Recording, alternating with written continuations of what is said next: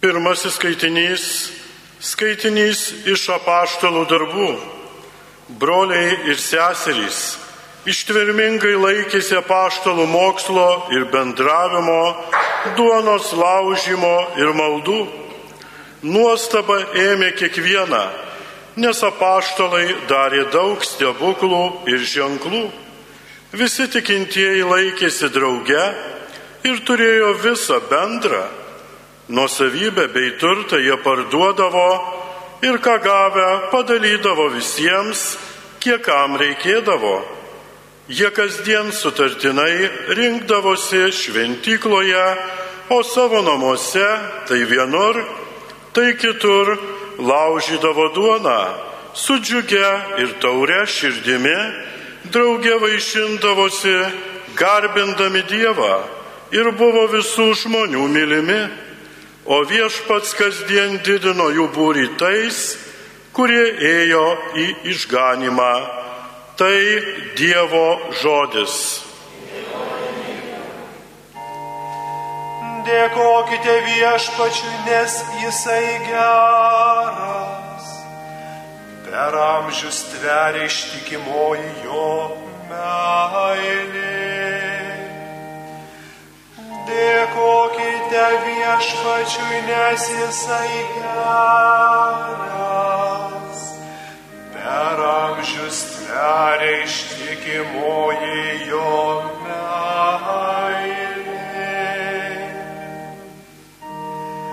Tegu Izraelis byloja, amžina ištikimoji jo meilė. Arono namai te kartoja, amžina ištikimoji jo meilė.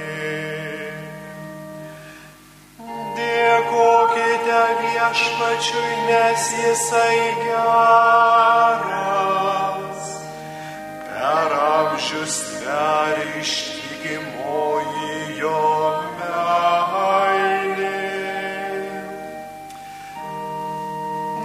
Nuožmiai mane jos puolė, geidė nugalėti, bet viešpats man padėjo. Viešpats mano drąsa ir galybė, jis mane išvadavo. Džiugi pergalės giesmė teisiųjų palapinėse aidi. Viešpaties dešinė mums pergalė davė. Dėkokite viešpačiui, nes jisai geras. Per amžius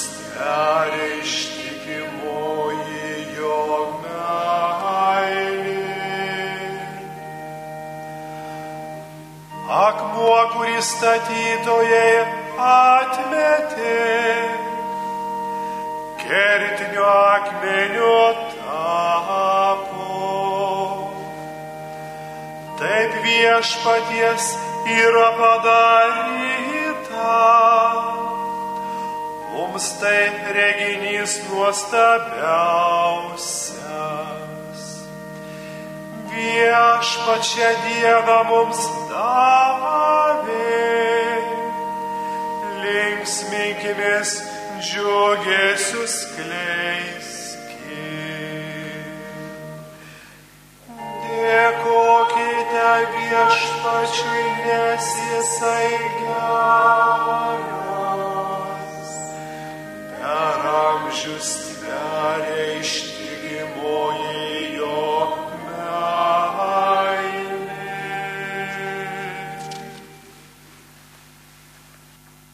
Antrasis skaitinys - skaitinys iš Šventojo Paštalo Petro pirmojo laiško.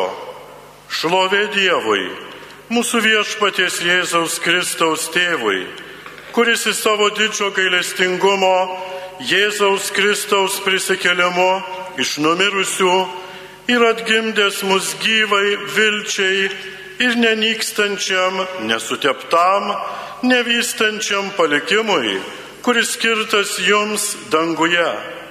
Jūs Dievo galybę sergsti tikėjimu išganimui, kuris parengtas apsireikšti paskutiniu metu.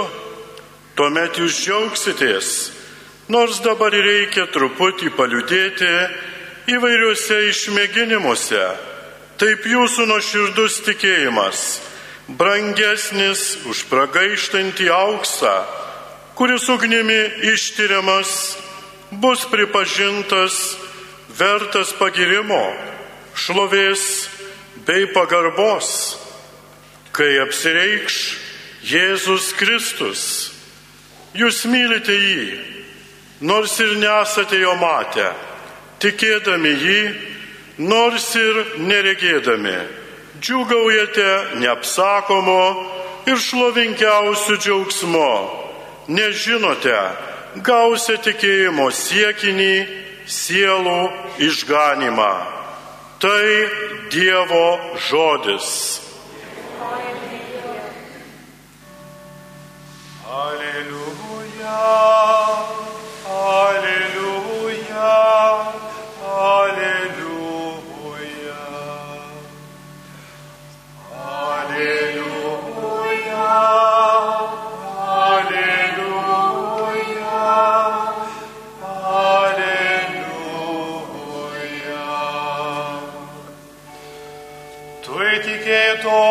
Nes pamatai, sako viešpats. Palaiminti, kurie tiki nematę. Alleluja.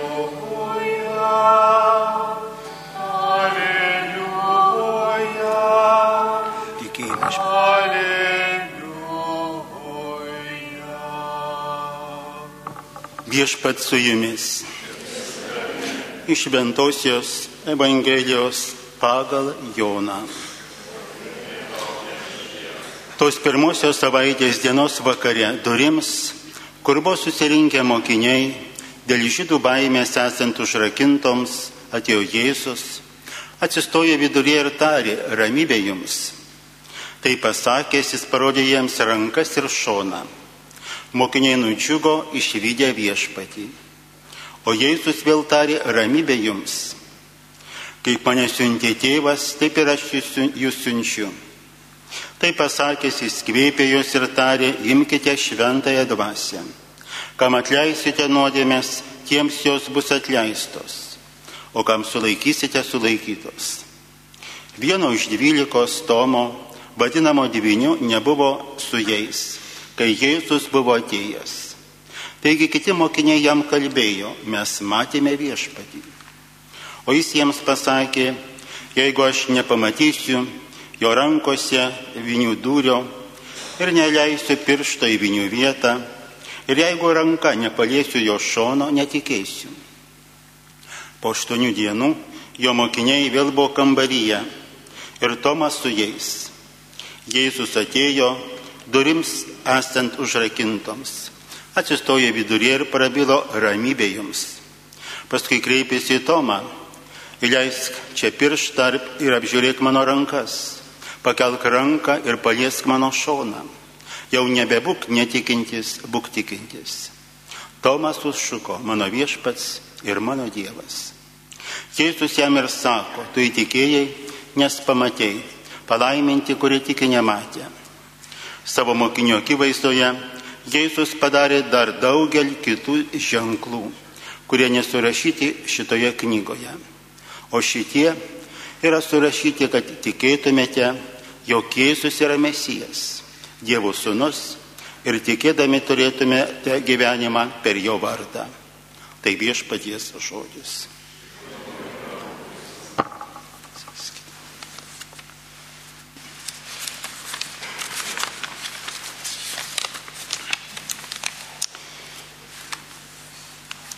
Šiomis Velykų dienomis Dievo žodžio liturgija, Dievo žodis mus visus kviečia dalyvauti Velykų tikėjimo gimime per prisikėlusio viešpaties pasirodymo savo mokiniams.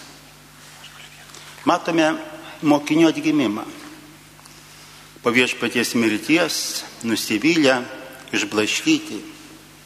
Bet tikėjimas į viešpatį pagimdė tai, kas vėliau juos palaikė jų tikėjimo kelyje.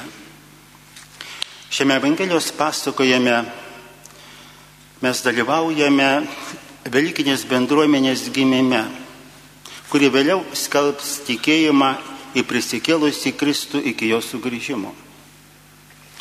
Ši pirmoji bendruomenė yra prašyta šio sekmadienio Evangelijoje. Tai 11 mokinių, apaštalų, susirinkę 8 dieną po Velykų.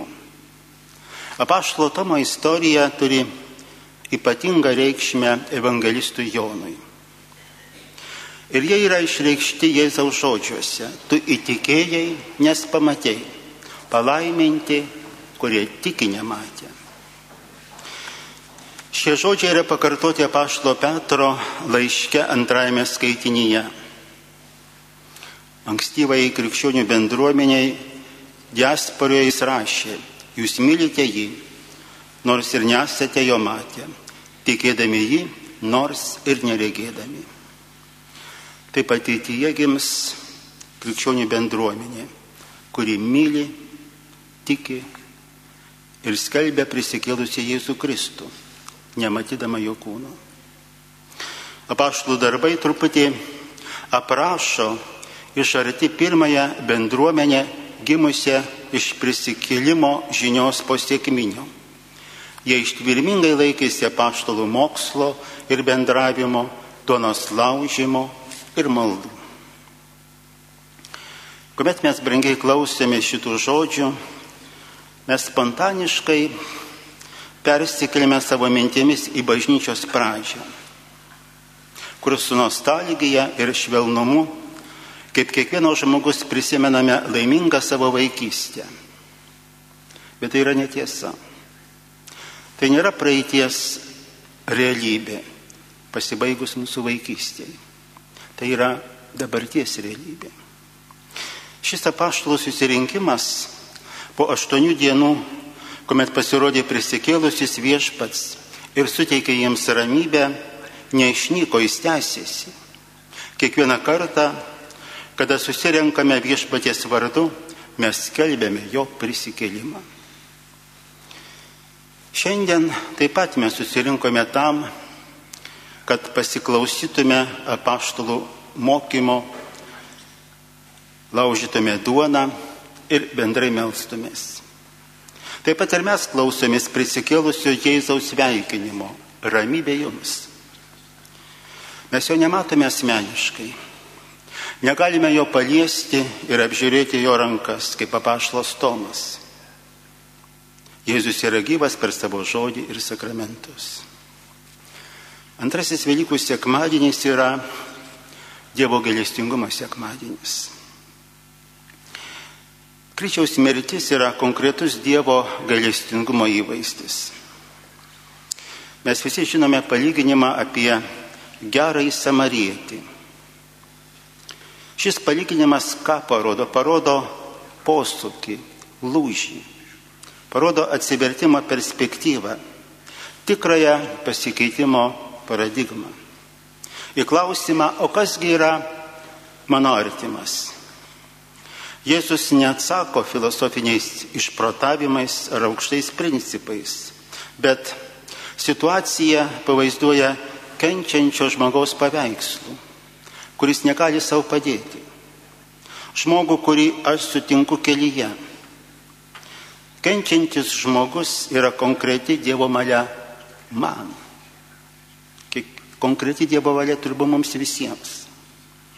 Šis palyginimas, ką parodo, parodo Jėzaus elgesį, Dievo pasireiškimą.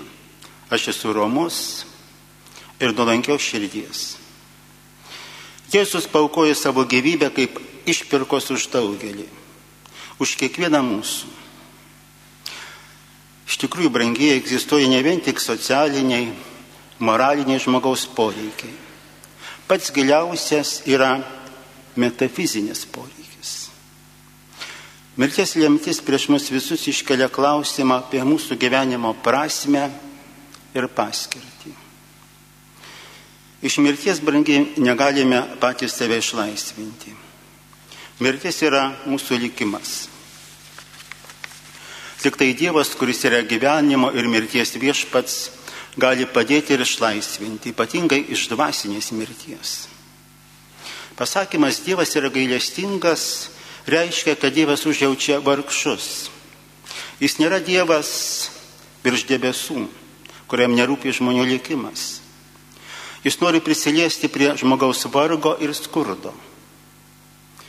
Tikėti gailestingą į Dievą tai ne vien tik tikėti, kad egzistuoja Dievas. Ne jei egzistuoja gailestingas Dievas, tai pakeičia visą mano gyvenimą.